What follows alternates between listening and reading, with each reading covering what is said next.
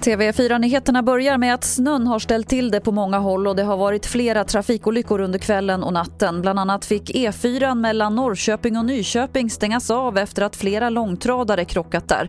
Det ska vara mycket långa köer på platsen och först vid niotiden väntas trafiken kunna passera. Det amerikanska läkemedelsbolaget Novavax säger att deras vaccin har ett 89-procentigt skydd mot covid-19 och det verkar även vara effektivt mot olika virusmutationer.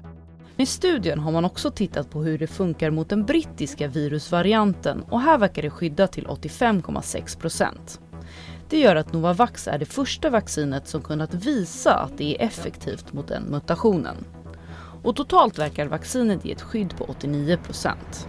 Just nu håller EU på att förhandla med Novavax om ett avtal som skulle göra vaccinet tillgängligt bland annat i Sverige. Reporter här var Emilia Aro.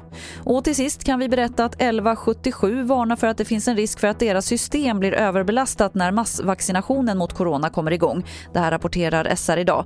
1177 säger att man håller på att stärka upp systemen men att det är bra om regionerna fördelar möjligheten att boka tid. Det var det senaste från TV4 Nyheterna. Jag heter Lotta Wall.